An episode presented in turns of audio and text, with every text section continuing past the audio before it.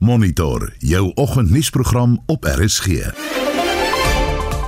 En volgens die program die besluit oor of Suid-Afrika op die internasionale finansiële gryslys geplaas sal word, wink. Motoriste begin die jaar met 'n ekstra paar sent in die sak danksy brandstofpryse wat môre daal.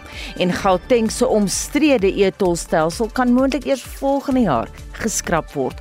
Baie welkom by Monitor die span in die ateljee vanoggend redakteur Jean-Marie Verhoef, ons produksieregisseur Johan Pieterse en my naam is Anita Visser.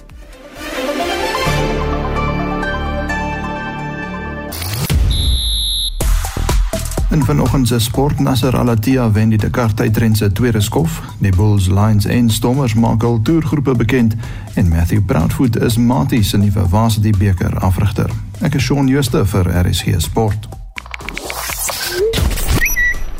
Die musiektydskrif Rolling Stones het sy lys van top 200 sangers van alle tye bekend gemaak, maar voordat ons daarby uitkom, gaan ons eers terug na ST toe. Anita op sosiale media in die gees van 2023 sê dit smerk happy 2023 al 629000 keer getweet en daarmee saam mense se wense om in die nuwe jaar meer geld te maak. Met die hitsmerk money wat om verskeie redes al meer as 850000 keer gedeel is. Van mense wat sê hoe hulle gaan geld maak tot mense wat sê wat geld vir hulle beteken. Tot CNN wat tweet dat Elon Musk al 'n groter fontein vir 'n uh, fortuin verloor het as enige ander mens in die geskiedenis. Ek is later terug met nog sosiale media nuus. En nou terug na ons SMS vraag toe vir die wat dit gemis het. Die musiektydskrif Rolling Stone het sy lys van top 200 sangers van alle tye bekend gemaak. Nou name onder hulle top 50 behels onder andere Whitney Houston, Billie Holiday, Stevie Wonder, Freddie Mercury, Prince, Bob Dylan, Elvis Presley, Nina Simone en Adele. Nommer 1 is Rita Franklin en Celine Dion. Aanhangers is baie kwaad omdat sy nie die lys gehaal het nie. En ons wil vanoggend weet wie is jou gunsteling sanger of sangeres van alle tye en watter liedjie vermurwe jou hart? Laat vir ons weet stuur 'n SMS na 45889. Onthou dit kos R1.50 of praat saam op die Monitor en Spectrum Facebook bladsy of WhatsApp vir ons se boodskap na 076 536 6961 076 536 6961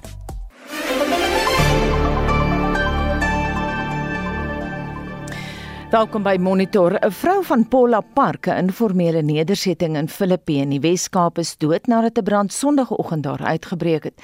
In 'n ander deel van die provinsie in Mashupumelele is 3 mense dood en honderde dakloos gelaat nadat 'n brand Saterdag by Denoon uitgebreek het. En ons praat nou met 'n woordvoerder van die Kaapse Metro se brand- en reddingsdienste, Jermaine Karel. Se goeiemôre. Goeiemôre dames en die luisteraars.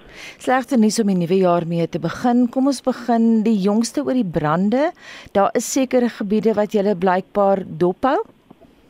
Ja, daar maar eintlik die eerste ehm um, groot brand was gewees op Vrydag die 30ste um, Desember. Dit was net so voor 12 en dit was in die area van Denoon. Ons het nou omtrent 106 uh informele strukture was in puin gelê en ehm um, hele paar hele aantal mense was dakloos gelaat dan was daar die brand die 31 die oggend. Dat was Massimo Polele dat was net so so na 2 die oggend. En daar het 22 strukture by die 36 mense dakloos maar daar het se drie persone gehad wat oorlede was. Ons het twee mans en een vrou. En op die weeroggend net so voor 20 voor 3 het ons 'n uh, gekry dat daar strukture aan die brand was in Philippi en in Petpolapa ehm um, daar aangekom 'n hele aantal ehm um, strukture was in die brand en ons addisionele um, resources uh, kan geroep om te kom as assisteer. Die brand was uitgesit so 12 uur 12 uur die die die middag en daar het dan die een vrou gekry wat oorlede was. In daai brand was daar oor die 240 strukture in puin gelê en omtrent 700 oor die 700 persone was dakloos gelaat. Jermaine sê my, hoe gaan dit by Denoon? Nee, die nonsofeer is uit dame. Dit is ehm uh, dit is alles onder beheer. Dit was onder beheer gebring 5 uur by Vrydag. Sê vir is daar mense wat ingryp om te help om mense daar te help? Ja nee, die Kaapstad Kiwis was uh, op hulle pos weer eens hulle bejaag van die van die groot brande. Het hulle die mense geassisteer met um, disaster risk management en informal settlement management wat um, obviously post assessments doen en probeer met mense daar assisteer. Baie dankie dit aan Jermaine Karel Sais, woordvoerder by die Kaapse Metro se brand- en reddingsdienste. Vandag 'n jaar gelede het die brand by die Parlementsgebou in Kaapstad weer opgevlam nadat dit op 2 Januarie 2022 uitgebreek het en aanvanklik onder beheer gebring is.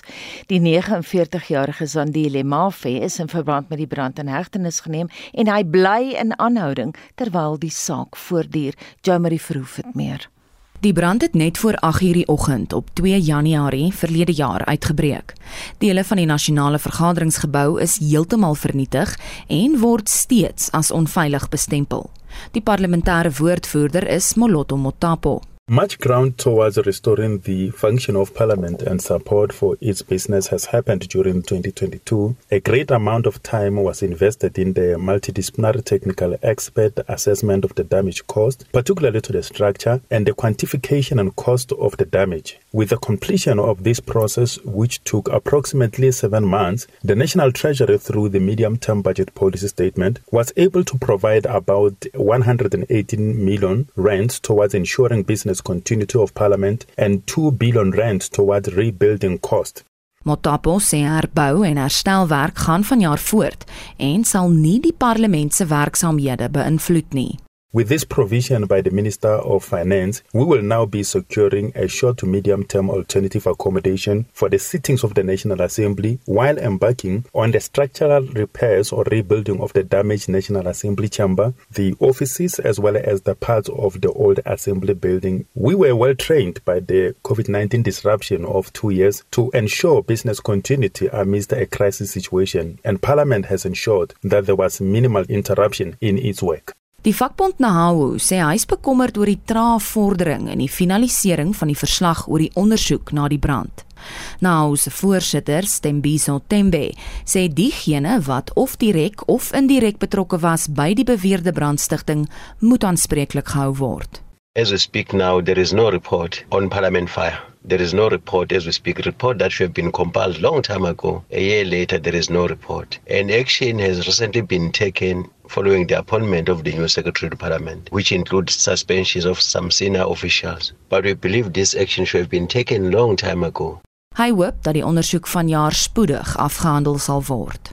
So we are still very much concerned, eh, but we hope that uh, since it, eh, an action has been taken against some of the senior officials, we'll see the continuation of that action so that we get closure, we get to the bottom of this particular issue of fire. But the delay itself really does not inspire confidence. But we hope that beginning of the new year, we'll see some action and the fast tracking of the report and an action that should be taken because our submission is that there is no way that such a monumental structure building which is significant to the democracy in South Africa, could just be destroyed, be demolished without any action against those that are responsible, whether directly or indirectly. So it's a concern, but we hope that this issue will be prioritized and be given the agency it deserves. Die adjunksekretaris van die parlement se ondersteuningsdienste, Baby Tayawa, wat ten tye van die brand by die parlement die waarnemende sekretaris was, is in Oktober verlede jaar voorlopig geskort terwyl ondersoeke na onder meer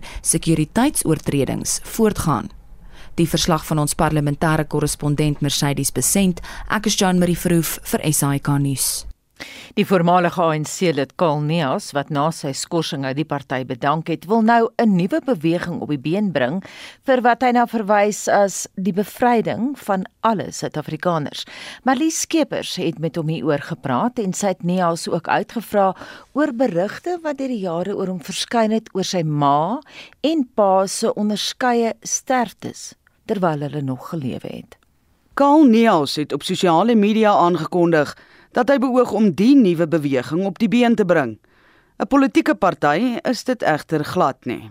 gaan oor 'n politieke beweging wat die ideale van volle bevryding in Suid-Afrika sal nastreef, presies dieselfde ideale wat baie van ons as lede van die ANC in die verlede by die ANC aangesluit het, maar ons glo nou dat die ANC as organisasie soos dit op die oomblik bestaan heeltemal 'n ander organisasie is en werklikheid dat daai organisasie wat ons aanvanklik by aangesluit het dood is. Hy sê hy is nie alleen met die oprigting van die beweging nie, maar swyg oor die ander betrokkenes. Maar ek dink dit sou verkeerd van my wees om namens daardie partye op hierdie stadium te praat terwyl daai konsultasieproses nog onder aan die gang is.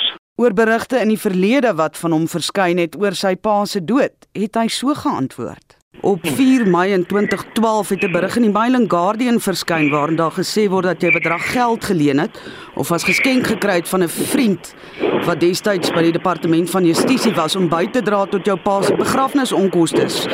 Maar dat hy Nee, nog nie. het in Ek daai stadium. enige geld gekry by enige iemand oor my pa se begrafnisonkoste. En soos julle weet, my pa is oorlede, maar hy is jare later oorlede. En oor die 2017 berigte in Times Live dat hy aan 'n verhuurder vir wie hy 4,3 miljoen rand se skuld vir twee woonstelle moes betaal, gesê het dat sy ma oorlede is en dat hy 'n aansienlike bedrag sou erf waarmee hy die skuld sou vereffen, het hy die volgende te sê gehad. Daar was ook 'n storie wat verkoop is in die Sunday Times dat ek op 'n stadium klaarblyklik gesê het dat my ma oorlede is, is 'n absolute leuen. En is die 4,3 miljoen rand se skuld toe betaal? Wel, eh, soos ek vir jou sê, uh, dit was alles 'n uh, uh, klomp nonsens wat verkoop is. Die die persoon wat daar blyklik gesê het dat daar sulke skulde gemaak en dat daai skulde betaal moet word, het anoniem gebly. Dit was die voormalige ANC lid wat uit die party bedank het, Kaal Neas en ek is Marlies Skeepers vir SAK nuus. Die Gautengse premier Panjasa Lesufi sê die provinsie se gewraakte etolstelsel sal moontlik eers vroeg volgende jaar geskraap word. Dit moes moet eers in die staatskoerant gepubliseer word waarna 14 dae moet verloop om te verseker dat die veelbesproke wetgewing nie geïmplementeer word nie. En ons praat nou met die advokaat Stefanie Fik van Alta, dis nou die organisasie teen belastingmisbruik wat die wetgewing beveg. Goeiemôre Stefanie. Goeiemôre Anita. Stefanie, jy en ek het 'n rukkie gelede oor die einste wetgewing gesels en toe sou dit nog geskraap gewees het die jaar. Wat is jou reaksie op wat uh, Lesofie nou sê? Nou nog 'n jaar wag. Ek weet mense wil amper sê mense weet nie wat aangaan nie en en en en sien dit dat daar reeds 'n 'n 'n vertroue het ons nog vertroue in in in die regering om te doen wat wat reg is. Ek dink wat hulle nou besig is om te doen is is is raar, dit is die bal wat van hierdie kant af na daai kant toe gegooi word. Om daai ehm um, stukkie wetgewing, dit is 'n 'n 'n regulasie. Om dit te skrap is eenvoudig. Al wat hulle moet doen is om terug te trek om om daai ehm um, die feit dat daai stukkie pad dan nou 'n 'n etolpad is om dit terug te trek. Dit kan nie so moeilik wees nie. Hoekom doen hulle dit? Wel, hulle hulle sê dit is nou hierdie ooreenkoms tussen die provinsiale regering en die nasionale regering en dit gaan maar alles oor wie gaan die wie gaan die gaan die van die gaan die geld betaal. En ek dink op die einde van die dag Al wat dit doen is dit daar's 'n bietjie onsekerheid by motoriste. Maar terwyl ek dit nou sê, aan die ander kant, daar is maar 'n 17% nakomingssyfer. So kom ek sê kom ek sê miskien ietsie bietjie kontroversieel is dat maak dit saak of daai wetgewing dan nou geskraap word of nie. Hmm. Kan niemand betaal in elk geval die etol ehm um, gelde nie. En die bietjie ouens wat dit nog betaal, moet regtig daaraan dink om op te om om op te hou betaal. So daar is 'n stukkie om te sê maar maak ook nou nie saak hoe lank vat hulle om dit te skrap nie daai stelsel was nog nooit suksesvol nie. Ek moet sê Stefanie, dis 'n goeie voorbeeld van burgerlike verset van die middelklas wat gewoonlik by die reëls en alle wetgewing hou, hulle self nou eenvoudig verset teen die regering. Ja, dit is nogal 'n goeie voorbeeld. Kyk, mense wil nou nie wetteloosheid ehm um, ehm um, aanpor nie, want dit gaan ons nêrens bring nie.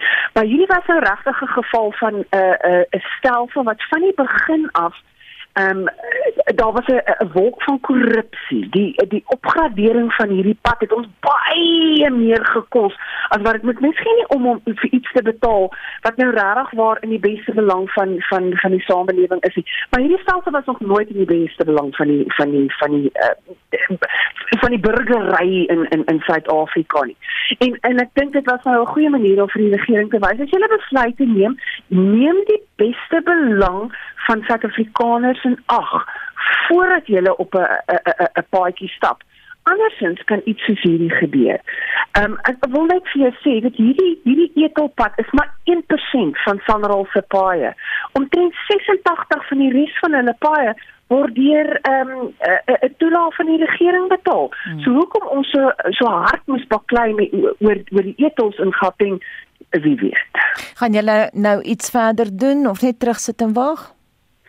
Ehm um, mense dis ook wat vir jou gesê het. Ek dink alhoewel dit miskien 'n bietjie kontroversieel is, ons daar is 'n stuk om te sê maar hoekom betaal mense nog enigsins met 'n 17% nakomingssyfer is die stelsel dood of dit nou ehm um, uh, uh, uh, of dit nou amptelik is of nie. Wat ons wel gaan dophou is hierdie geld wat nou gaan verhande verwissel en dat ons gaan dophou dat teen nou nie hierdie geld weer op 'n ander manier wil terugprobeer eis van motoriste. Dit is onregverdig. Ek dink ons betaal ons betaal genoeg belasting en soos ek reeds genoem het, hoekom moet Gauteng betaal vir die opgradering van sy paaie?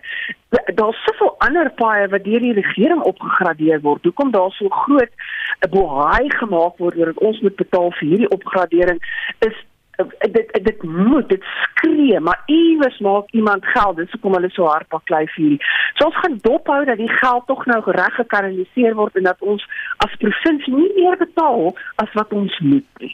Baie dankie. En daai belofte kom van advokaat Stefanie Fik van Outa die organisasie teen belastingmisbruik en sy is die direkteur van die afdeling vir verantwoordbaarheid.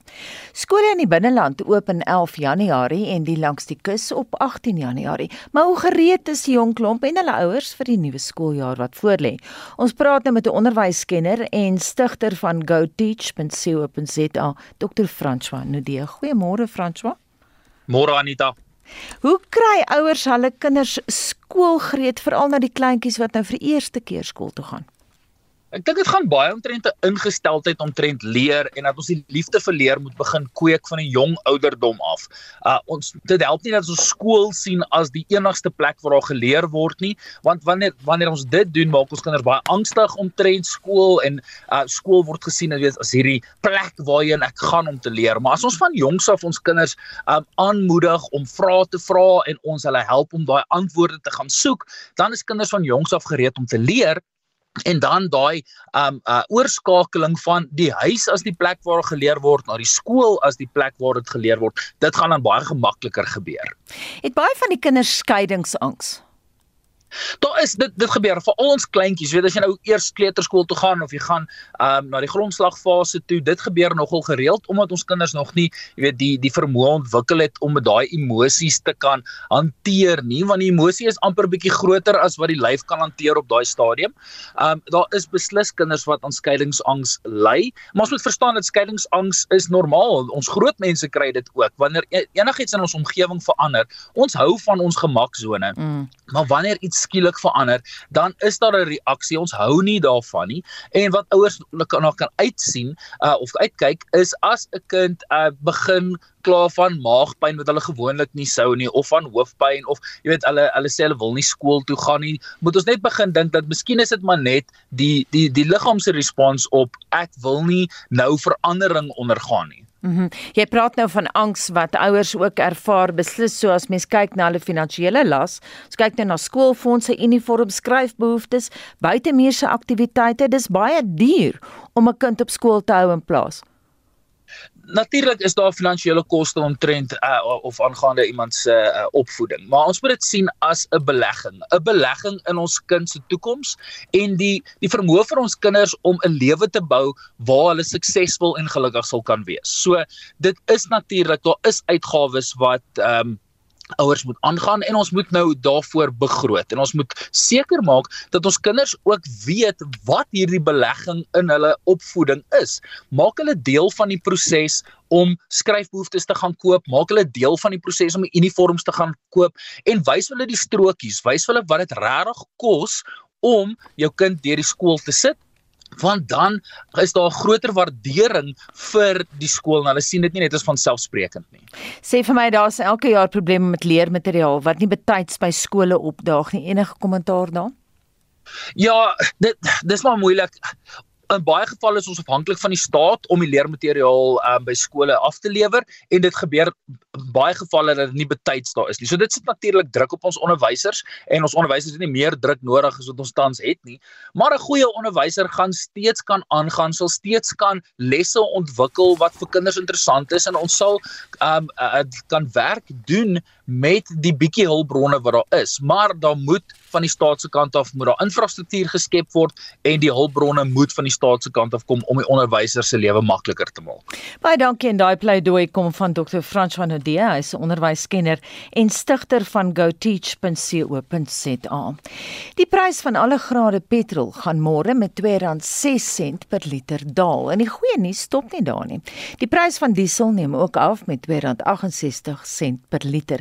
En ons praat nou daaroor met Dr. Rolof Botha van die Optimum Beleggingsgroep. Goeiemôre. Goeiemôre julle. Baie goeie nuus om die nuwe jaar mee te begin Rolof, maar hoekom die daling? Ja, dit was nogal voorspelbaar. En natuurlik soos jy gesê, dis goeie nuus vir mense wat nog moet uh, terugreis per motor. Uh, en ook natuurlik vir landbouers vir al die dieselpryse daling. Ehm um, die die twee hoofredes is maar die tradisionele uh, versterking van die rand. Ehm um, in gepas gaan met effense baie in die, die prys van uh, Brent olie uh, en ook ander vorms van olie.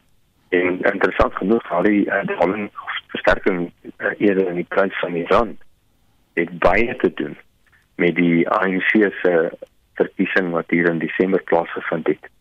Want nou dat um, president Ramaphosa Ramaphosa weer stewig in die saal is, skynbaar kan mens verwag dat also van verdere deregulering plaasvind in Suid-Afrika en 'n uh, groter betrokkeheid van die private sektor so dit beslis uh, invloed gehad. Maar daar's daar's iets wat die uh, party van die kommentators bietjie vergeet en dit is baie belangrik.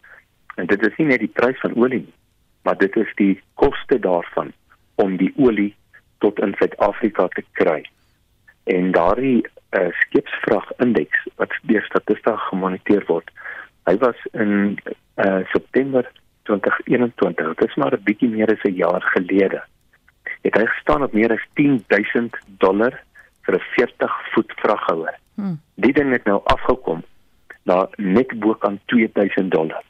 En dit is een van die hoofredes uh, waarom ons dan uitsien na laer brandstofpryse in Suid-Afrika want uh, ons eie raffinaderye uh, is, is nie meer wat hulle was nie uh, net soos ons spoorlyne en iets meer want dit is werklik baie goeie nuus. Mhm. Mm en dit kan 'n positiewe impak hê op kospryse of hoe? Uiteindelik nie oornag nie, maar beslis. Wat nou ook gebeur het natuurlik is um met die uh vooruitsig veral in Europa en 'n paar ander lande van of resessie of baie lae ekonomiese groei met sluit selfs vir China in. Um is die hierdie vraag na olie teen 'n vinniger tempo gedaal as die as die aanbod van olie uh en vir myself wat nou baie jare lank ekonomie doseer het, is dit baie lekker as mens sien dat die teorie en die praktyk kom laat nou en dan by mekaar uit. Rolof net laasens met die brandstofpryse wat gedurig wipplank ry, ons ervaar dit tog elke jaar. Dink jy die verligting gaan van korte duur wees? Dit sal seker in 'n groot mate afhang van wat gebeur in Oekraïne. Uh en of daar nou verdere uh, aggressie gaan wees ek ek sien daar soos ander lande in Europa wat ook vir mekaar grom um, en en wanneer daar hierdie tipe onsekerheid en onstabiliteit in die wêreld is uh, dan is mense geneig om ehm um, selfs iets soos olie te probeer opgaar in geval jy dit nie in die hande kan kry nie so mense kan maar net hoop dat daardie in in dat daardie oorlog in Oekraïne so gou as moontlik beëindig word. Baie dankie en daai verskutting kom van Dr. Rolof Botha van die Optimum Beleggingsgroep. Jy luister na Monitor elke weekoggend tussen 6 en 7. 632 die hoofnuus gebeure tiener swangerskappe is weer eens in die soeklig. As families, we must stand firm. As families, we must make sure that those that abuse our children, they must pay the price. Those that abuse our children, the law must take its course. Ons praat met 'n kenner oor die langtermyn fisiologiese gevolge hiervan en die ANC gee toe dat hy 'n aantal van sy sleutelbeleidspunte nie kon deurvoer nie en dat die situasie 'n bedreiging vir die organisasie kan inhou en lidlande van die Europese Unie vergader môre oor die toename in COVID-19 infeksies in China. Bly by ons.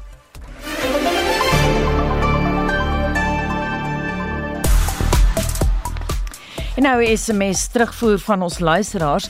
Uh dis die vraag vanoggend ons SMS vraag is geskoei op die Rolling Stone wat 'n lys van top 200 sangers van alle tye bekend gemaak het. Dis 'n lang lys, maar nie almal is dit eens met wie gekies is nie.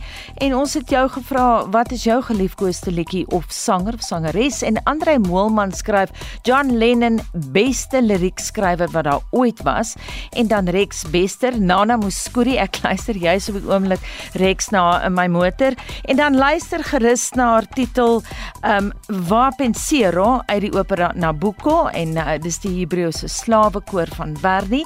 En dan skryf David January um kan jy help om te sê Freddie Mercury moet in ewigheid nommer 1 wees gevolg deur Steve Tyler en hulle stemme is roerend so sê David. En dan Jan Lubbe so lank Koos Kombuis Karen Zoid en Amanda en dan sit hy in hakkies Amandla Strydom. Hmm. Solank hulle nie daar is nie, is ek nie tevrede nie. En laasens Louis Wessels, Paul Rogers, Free, Bad Company en Queen. En vir die jongste sportnuus sluit Shaun Jooste by ons aan. Goeiemôre. Goeiemôre Anita. So vroeg in die nuwe jaar beteken Dakar tydren met heelwat Suid-Afrikaners in aksie. Hoe staan sake nou na twee skofte? Qatar se Nasser Al-Attiyah het gister se tweede skof in 5 uur 26 minute in sy Toyota Gazoo gewen. Hy is algeheel tweede 2 minute 12 sekondes agter die voorloper van Spanje Carlos Sainz. Suid-Afrika se Janiel de Villiers sê die skof in die 6ste plek en Hendrik laat te gaan in die 17de en Brian Baragwanath in die 18de plek geëindig. Nou de Villiers is algeheel 5de met Baragwanath 9de en laat te gaan 10de en vandag se derde skof is 447 km lank. Shaun, wat aksie op die sokkervelde? Ja, in die DStv Premier Liga kom Cape Town City vanmiddag 5uur teen SuperSport United te staan en dan vanaand 08:30 speel Mamelodi Sundowns teen Morocco Swallows. Sekhukhune teen Marumo Gallants en Royal M teen TS Galaxy. Dan in die Engelse Premier Liga meet Arsenal vanaand 9:45 teen Newcastle United kragte. Daar is ook Everton teen Brighton en Hove Albion, Leicester City teen Fulham en dan vanaand 10uur takel Manchester United en Bournemouth mekaar. Die derde en laaste krieketoets tussen Australië en Suid-Afrika begin vroeg môreoggend, maar intussen is daar ander krieket aan die gang. Ja, dit is dag 2 van die tweede toets tussen Pakistan en Nieu-Seeland. Nou die besoekers begin die dag op 309 vir 6 in hulle eerste beurt en dan daardie reeks is nog gelyk op met 0 elk. En dan vanmiddag so 0.30 se kant begin die reeks van 3T20 wedstryde tussen Indië en Sri Lanka en die wedstryd vind in Mumbai plaas. En dan Shaun die Bulls, Lions en Stormers maak hulle toergroepe bekend en Maties blikke haas uit die hoed, né? Nee? Ja, drie uh, sterk groepe wat bekend gemaak is vir die Europese toer. Nou ek sien in die boelspan uh, Lionel Mapo bly in Pretoria terwyl die Bokke, Kainan Moody en Kurtley Arends se saamtoer. Die Lions is sonder hulle gereelde kaptein Reinhard Notnagel en ook die skrimskakel is Anelle Namba. En vir die Stormers het Marvin Orri sy fiksheidstoets geslaag terwyl Frans Malherbe en Evan Roos nog ongelukkig op die krikkelys is. Baie dankie, dit was dan Shaun Jooste van RSG Sport. Die KwaZulu-Natalse owerheid is bekommerd oor die aantal tienerswangerskappe in die provinsie. Op Nuwejaarsdag is daar 76 babas in Natal gebore. Nou een van die nuwe ma's is maar net 15 jaar oud en kom van Port Shepstone. Boonop het sy swanger geraak toe sy slegs 14 was. Die pa van die kind is ook minderjarig, hy's 15. Kom ons luister na KZN se minister van gesondheid, Nomagugu Simelane se reaksie. When she gave birth now at 15, it literally yeah. means she, she felt 14. pregnant at 14. Now, that, that is not something we, we should celebrate as a society. It's not something we should encourage. The mother had a baby, she was in Port Shepstone Hospital, and we are told that the father is also 15 years old. It is quite worrying that, you know, it's a whole life, it's two lives actually, that are now have been ruined uh, because of these unplanned uh, pregnancies. We also have two 16 year old mothers that gave birth. One is in Queen Nandi, and that one was impregnated by a 23 year old. Now that is someone who should be arrested mm. because from where we are sitting, that is statutory rape, yeah. and it should not be allowed. Dit dan die mening van KZN se minister van gesondheid Nomagogo Simelane. Volgens Statistiek Suid-Afrika het 106 000 meisies tussen 10 en 19 verlede jaar geboorte geskenk. 'n Kwart van die tieners kom van KZN. Statistieke SA sê dat 1/3 van Suid-Afrikaanse meisies tussen 15 en 19 jaarliks swanger raak. Dis dubbel die wêreld se gemiddeld. Nou die swangerskappe het nie net maatskaplike gevolge nie, maar kan ook die jong meisies se gesondheid op die lang termyn vnyk. Vir meer hieroor praat ons nou met 'n voormalige president van die Suid-Afrikaanse Vereniging vir Verloskunde en Ginekologie, Dr. Johannes van Waart. Goeiemôre. Goeiemôre Anita en uh, welkom aan die luisteraars.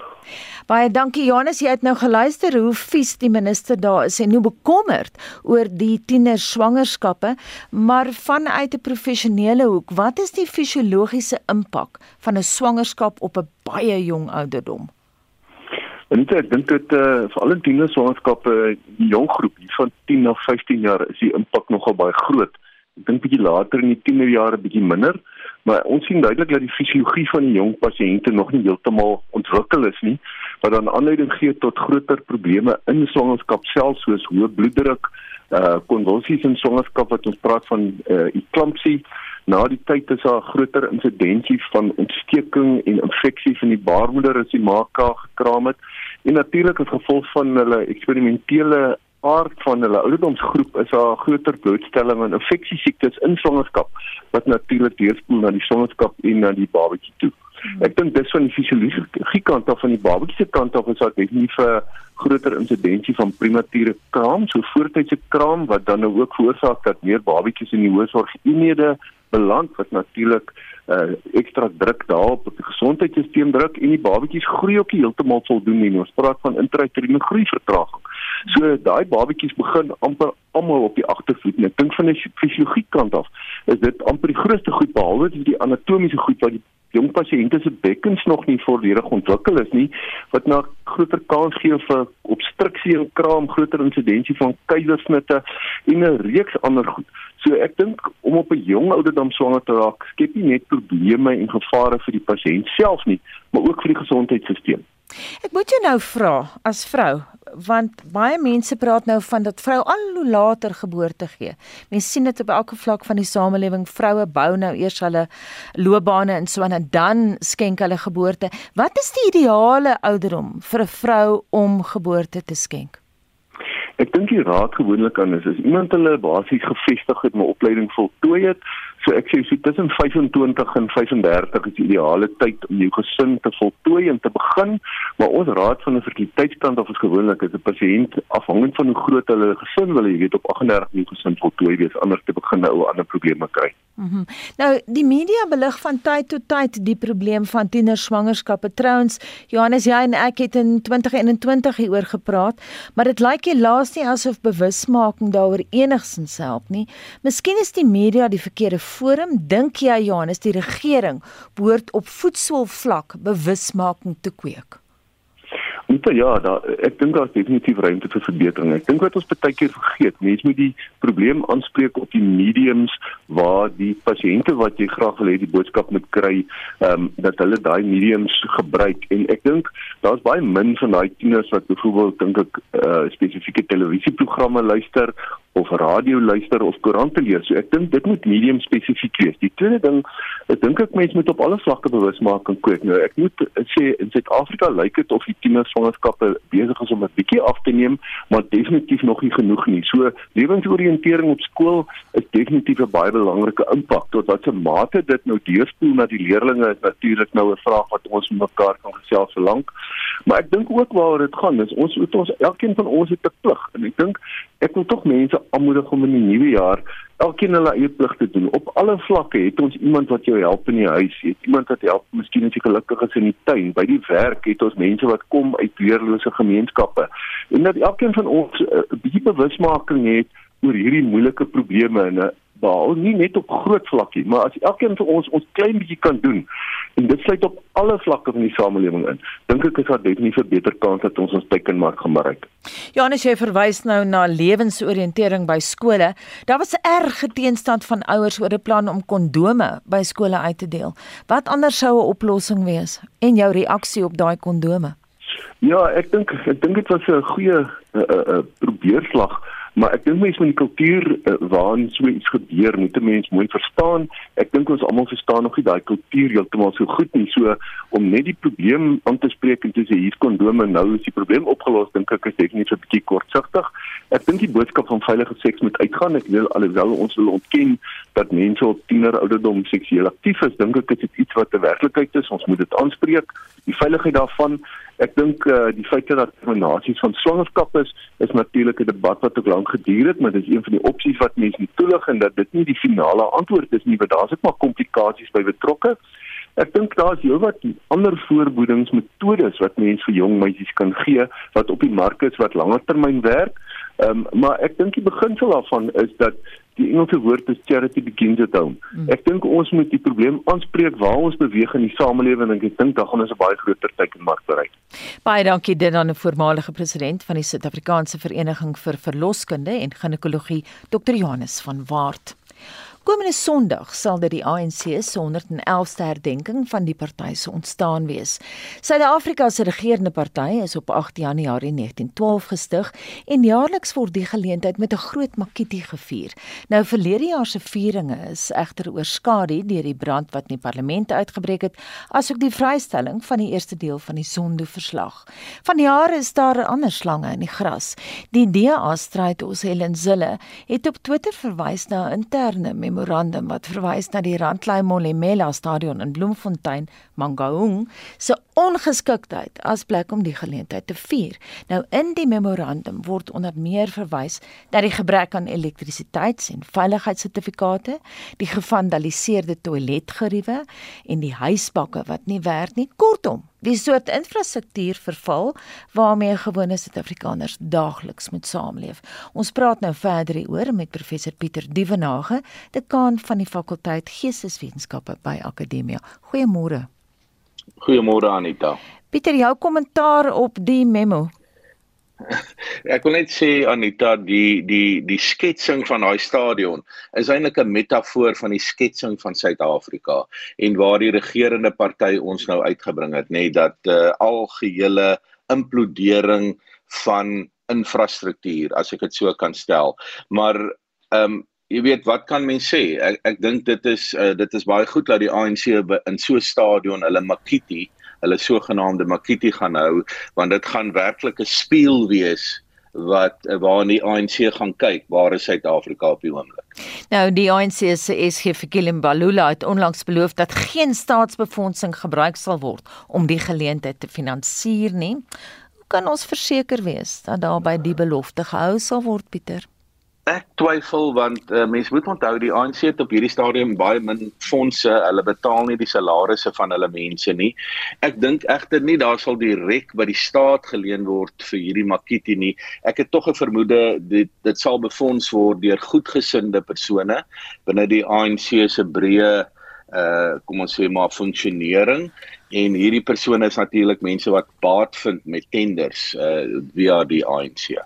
En daar's min feeste vier vir die ANC gegee vir die daardie lidmaatskap getalle wat David Mabuza met ons gedeel het tydens die Nasrek konferensie. Dis 'n daling van 1,4 miljoen tot 600 000. Is daar nog iets vir die ANC te red? Dis 'n interessante uh, uh, syfers hierdie. Ek, ek dink die syfers dui daarop dat hier beslis wat mense nou al oor 'n lang periode kan noem 'n afwaartse spiraal in die ANC is. En dit maak die hele uh, op die lang termyn maak dit die ANC moeilik redbaar om na jou vraag baie direk te verwys. Maar ons moet onthou dat die ANC gaan nog met 'n ruk met ons wees sonder twyfel. En ehm um, hulle gaan op nasionale uh, op die nasionale toneel dink ek in 2024 gaan die ANC nog beduidend daar wees en in sekere uh provinsies maar ek dink in sleutelprovinsies gaan die ANC al al hoe meer 'n mindere faktor wees en dit gaan hierdie afwaartse spiraal waarna ek verwys eintlik maar net verder momentum gee. Nou met verwysing na jou afwaartse spiraal met die Dietse Botlat tussen verkiesing op 14 Desember in Noordwes het die ANC se steun gedaal tot 39,82%, 'n daling van 2011 se 77%. Gaan daai patroon voortduur? Jy sê dit hang af van die provinsies, né? Nee? Ja, dit hang af van die provinsies. Ek dink 'n mens moet kyk uh, vanaf die buitewyke van Suid-Afrika na die stedelike gebiede. En ek dink die ANC gaan nog steeds op die platte land of in die tradisionele gebiede van Suid-Afrika heelwat steun hê. Hé en dan gaan dit afweer afneem soos mense na die stedelike gebiede toe beweeg.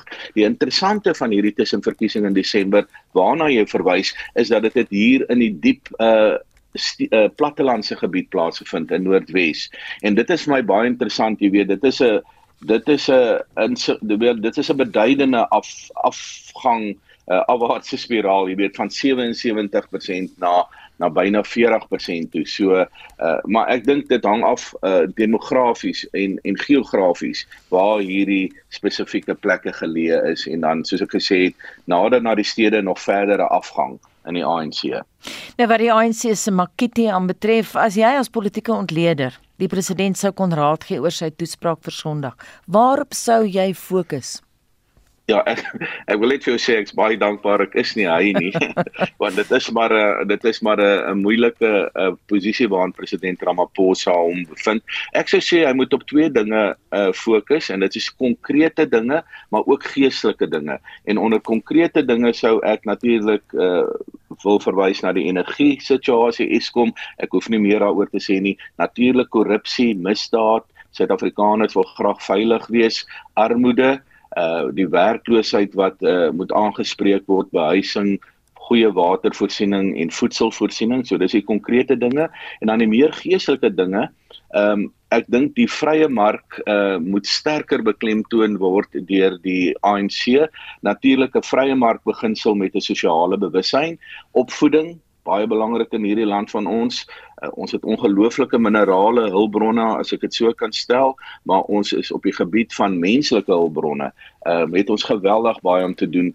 En dan wil ek 'n uh, laaste sleutel of 'n laaste klip in die bos gooi Anita en dit het te doen met arbeidswetgewing wat natuurlik saamhang met die punt wat ek wou, wou gemaak wat ek gemaak het oor die vrye mark en dit is ons sal weer moet kyk na regstellende aksie uh dat dit tot voordeel van die land en nie tot nadeel van die land strek nie. So dit is nou min of meer en dan miskien 'n laaste punt koalisiepolitiek. Die president sal ook vir, uh, moet aanduiding gee dat koalisiepolitiek gaan 'n ander tipe van benadering tot die land en sy probleme en die manier waarop ons die land sien uh teweegbring.